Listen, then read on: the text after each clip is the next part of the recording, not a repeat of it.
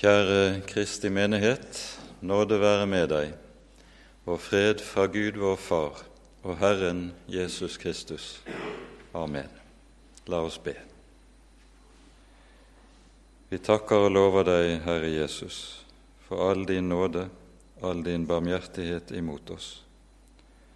Takk, Herre, mest av alt at du er den samme i går og i dag og til evig tid, og at all den miskunnhet du hadde for syndere, den bærer du med deg fortsatt overfor oss.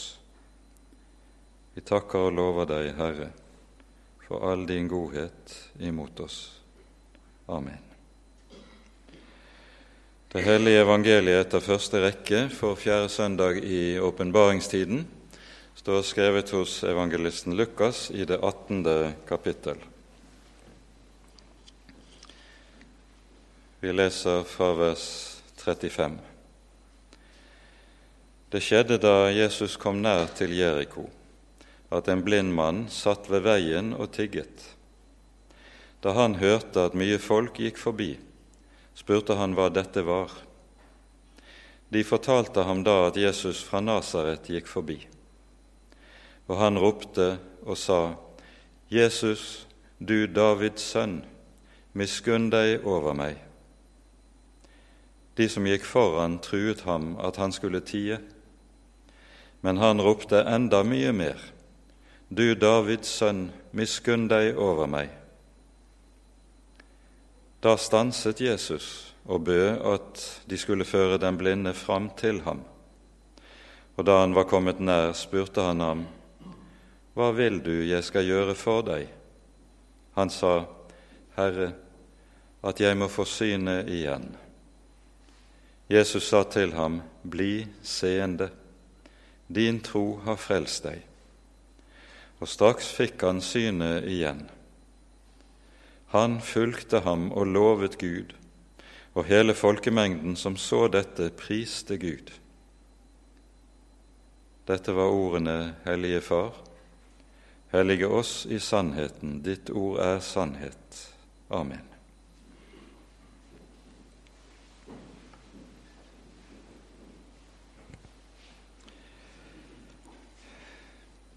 Beretningen om Helbredelsen av den blinde utenfor Jeriko er en fortelling vi hører i, hos både Markus og Matteus og hos Lukas. Det er noen eh, detaljer i disse fortellingene som har voldt eh, ganske store vanskeligheter for en del bibeltolkere. Det står hos eh, Lukas, slik vi leste det, da han kom nær til byen, satt der altså en blind ved veikanten. Mens hos Matteus så står det at da han var på vei ut av byen, satt der en blind ved veikanten.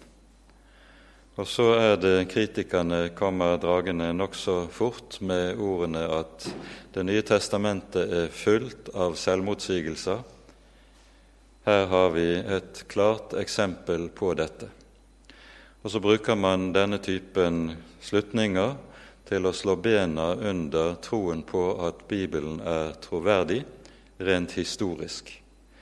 I stedet kan man påstå at Bibelen inneholder en rekke historiske feil og unøyaktigheter, hvilket gjør at Bibelens pålitelighet er ganske begrenset. Det å påstå at noe er selvmotsigende, det er noe man bare kan gjøre hvis man har alle fakta for hånden. Og det har man faktisk ikke her. Det disse som hevder med stor frimodighet dette at her står vi overfor en motsigelse i bibelteksten, de er ikke kjent med at det faktisk var to Jerikoer. Du har det gamle Jeriko, som vi hører om i eh, Det gamle testamentet, når Israel inntar landet og Josva sammen med Israels folk går omkring byen, og Josva og Jerikos murer faller. Dette er den gamle bydelen som kanskje er den eldste byen man kjenner til i historien. Men på Jesu tid var det bygget et romersk spa ca. to kilometer syd for det gamle Jeriko. Dette utviklet seg etter hvert til å bli en by. Her bodde, holdt den romerske garnisonen til. Her var tollstasjonen. Her bygget Herodes et palass. Og denne nye byen bar også navnet Jeriko. Og Da er det ganske naturlig slik at perspektivet til Matteus og Lukas er ganske forskjellig. Lukas som hedning har det nye Jeriko bygget av romerne for øye når han sier Jesus kom nær til byen Jeriko. Mens eh, Matteus som jøde ganske naturlig tenker på det gamle Jeriko, idet den blinde altså sitter ved utgangen av byen, den gamle byen, mens Jesus altså nærmer seg den nye ifølge Lukas. Og Derfor er det også slik at i Lukasevangeliet følger det på i det neste kapittelet beretningen om Sakkeus, som fordi han var toller og bestyrte tollstasjonen, bebodde den nye bydelen Jeriko. En skal være meget varsom med å påstå at Bibelen inneholder selvmotsigelser, rett og slett fordi vår kunnskap om de historiske fakta og omstendigheter svært ofte er temmelig begrenset. Her har dette som kan se ut som en forskjell, en ganske naturlig forklaring hvis man kjenner fakta. Dette får nå være en innledende parentes. Det vi står overfor her, det er et menneske som er i en dypt, dypt fortvilet situasjon. Å være blind i datiden var noe av den største ulykke som kunne ramme et menneske når eh, den blinde, som Markus navngir, han heter Bartimeus, sier og ber Jesus, 'Herre, at jeg må få synet igjen', så forstår vi at han, hans blindhet er noe som har rammet ham etter at han nok har vært seende antagelig en stor del av livet. Og Blant rabbinerne var det en vedtatt sannhet at den som ble rammet av blindhet, han ble rammet av dette som en Guds straffedom for særlige, alvorlige synder. Så hans fortvilede situasjon dreier seg ikke bare om at han som blind har mistet muligheten for å livnære seg selv. Han er blitt tigger. Som blind er han på en særlig måte underlagt Guds dom fordi han, slik rabbinerne tenkte det, når han var blind, så kunne han jo ikke lese i de hellige skrifter. Og dette var en særlig streng Guds straffedom etter rabbinerne. Og Derfor ville det være slik også at en mann i denne situasjonen ikke bare var i en fortvilet situasjon rent legemlig med tanke på livnæring og annet, men han ville også være regnet som utstøtt under Guds dom, å sitte der og nage med sin skyldfølelse er det noe i mitt eget liv og i mitt eget hjerte som jeg har gjort at jeg har pådratt meg denne ulykke. Så kommer vår Herre Jesus vandrende. Han er på vei opp til Jerusalem for siste gang, på vei opp til sin lidelse. En større mengde følger ham, både hans tolv disipler pluss en, en god del andre som vi kan forstå av teksten. Og den blinde spør seg for hva er dette? Og når han får høre det er Jesus av Nasaret, så kommer nødropet fra ham. Jesus, du Davids sønn, forbarm deg over meg. Ordene 'forbarm deg over meg' er ordene vi har i liturgien når vi synger vårt Kyrie eleison etter synsbekjennelsen.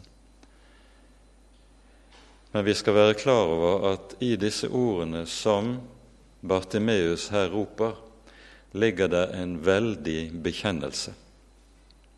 Vi hører et par ganger i evangeliene tidligere at Jesus kalles Davids sønn. Den ene gangen i forbindelse med helbredelsen av en blind i Israel. Jesus forbyr ham uttrykkelig å utbre dette som har skjedd når han er blitt hjulpet. Så hører vi om den kananittiske kvinnen i Matteus 15, som også påkaller Jesus som Davids sønn. Hun hører ikke til Israels folk. Og når disiplene har skjønt hemmeligheten med at Jesus er Messias, så får de et meget klart påbud om de må ikke fortelle det videre. Å titulere Jesus som Davids sønn det hører vi ikke ellers i det jødiske folk før dette, og før Jesus stiger opp til Jerusalem og rider inn. Da lar han det offentlig bli kjent og vedkjenner seg at han er Davids sønn, som jo er den grunnleggende Messias-tittel, slik jødene tenkte det. Når Bartimeus påkaller Jesus som Davids sønn, så ligger det altså i dette en trosbekjennelse. Han har hørt ryktet om Jesus, og dette ryktet har skapt tro i hans hjerte, slik som vi leser det i Romerbrevet. Troen kommer av forkynnelsen. Det er ordet om Jesus som skaper tro. Og denne tro er altså blitt til i denne ulykkelige mannens liv og hjerte. Han har nok ikke bare hørt om Jesus som den som kan gi legedom til de som er i en fortvilet og håpløs situasjon. Han har hørt om Jesus også som den som tar seg av syndere, den som rabbinere og fariseere hevder var under Guds dom og derfor satte utenfor. Han bekjenner troen på en Messias og en frelser som har hjerte for dem som er regnet for forkastet av Gud. Dette er hans trosbekjennelse. Og vi skal merke oss at disse to uttrykk står overfor hverandre i teksten når han spør hvem er, hva er dette? Hvem er dette? så sier folket det er Jesus fra Nasaret. I dette ligger det ingen trosbekjennelse. Det står i motsetning til Bartimeus sitt ord når han sier 'Jesus, du Davids sønn'. Han legger for dagen en tro som flertallet i de som her følger, ikke gjør. Jesus, du Davids sønn, miskunn deg over meg. Og Når folket prøver å hysje ham ned, så er det kanskje ikke bare fordi de opplever dette som noe pinlig, men fordi de kanskje også vet at det å kalle Jesus Davids sønn, Messias, i disse omgivelsene, det kan kanskje være en farlig sak. Romerne holder jo til like i nærheten.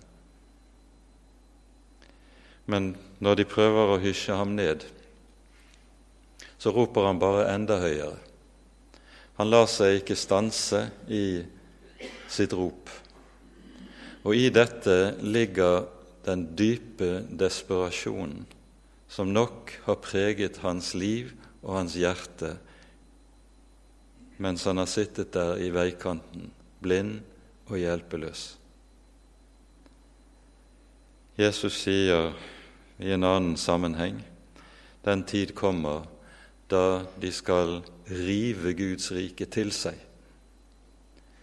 Og Med dette peker han på en desperasjon som ligger hos mennesker som i møte med Jesus vet at det som Jesus har kommet for å gi oss. Det kan jeg ikke være foruten. Det er denne desperasjon vi ser hos den blinde Bartimeus. Jesus stanser, kaller ham til seg og spør hva er det egentlig du vil jeg skal gjøre for deg. Og så trer han frem her slik som han trer frem for oss med det han er kommet for.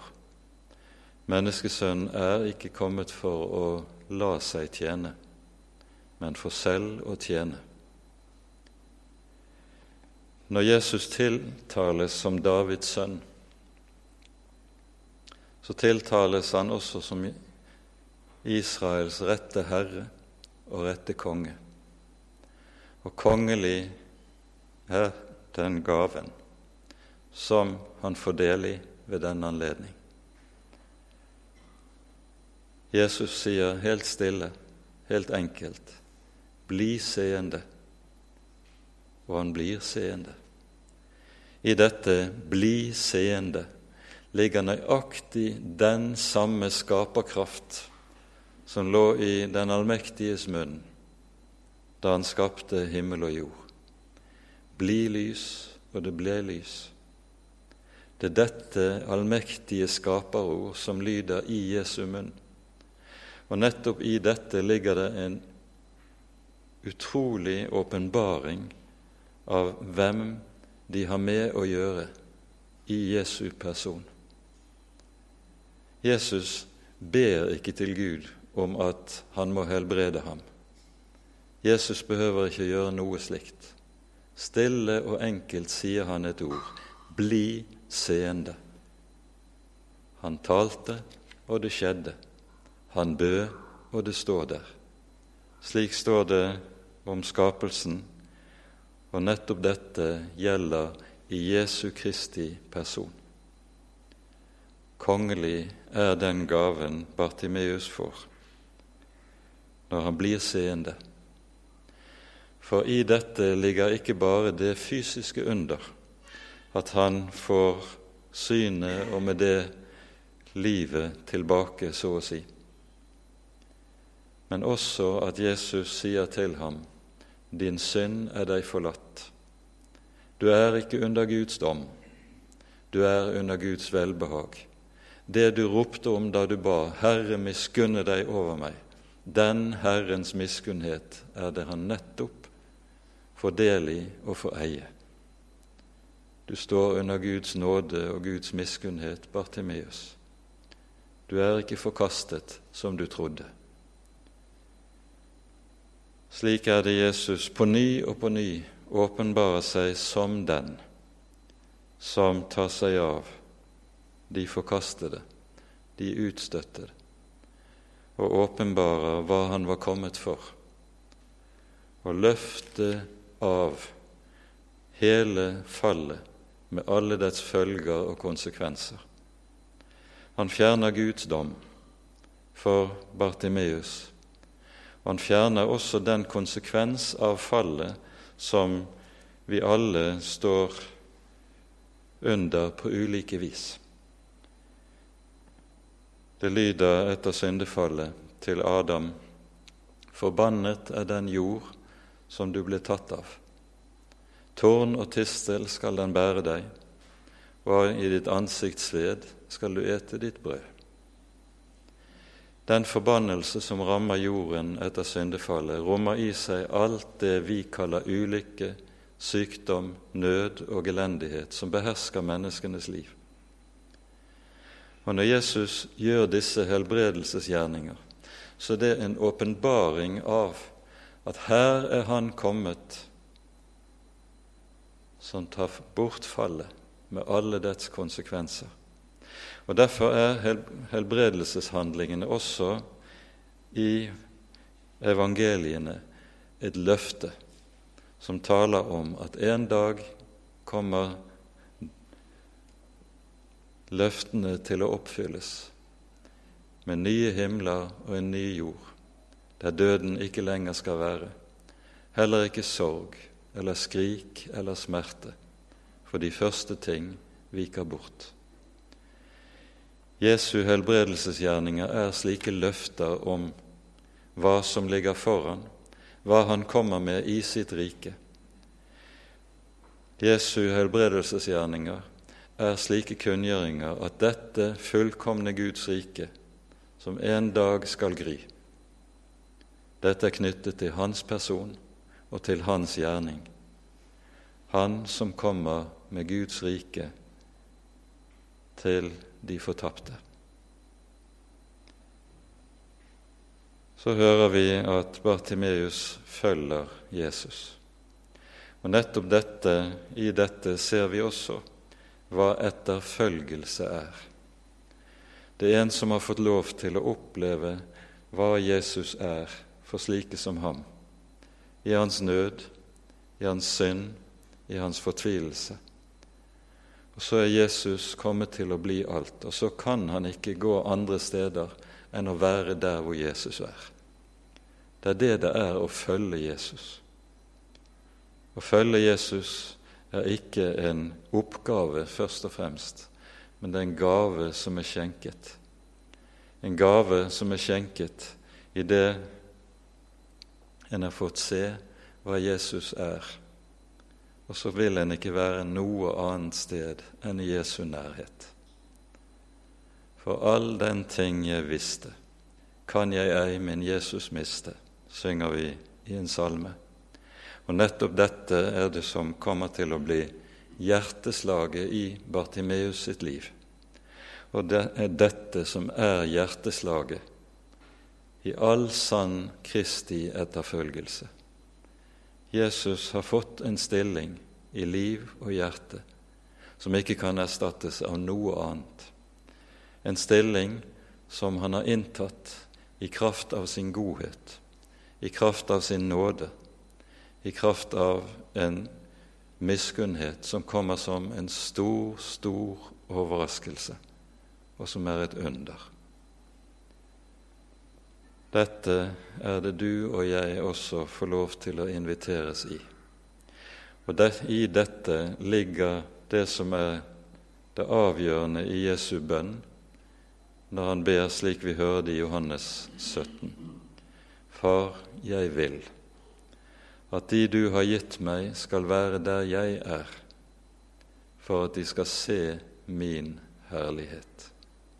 For Kristi herlighet åpenbares nettopp i Hans godhet, slik vi hører det i dagens tekst.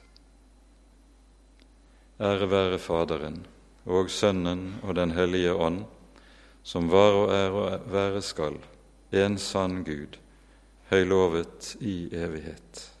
Amen.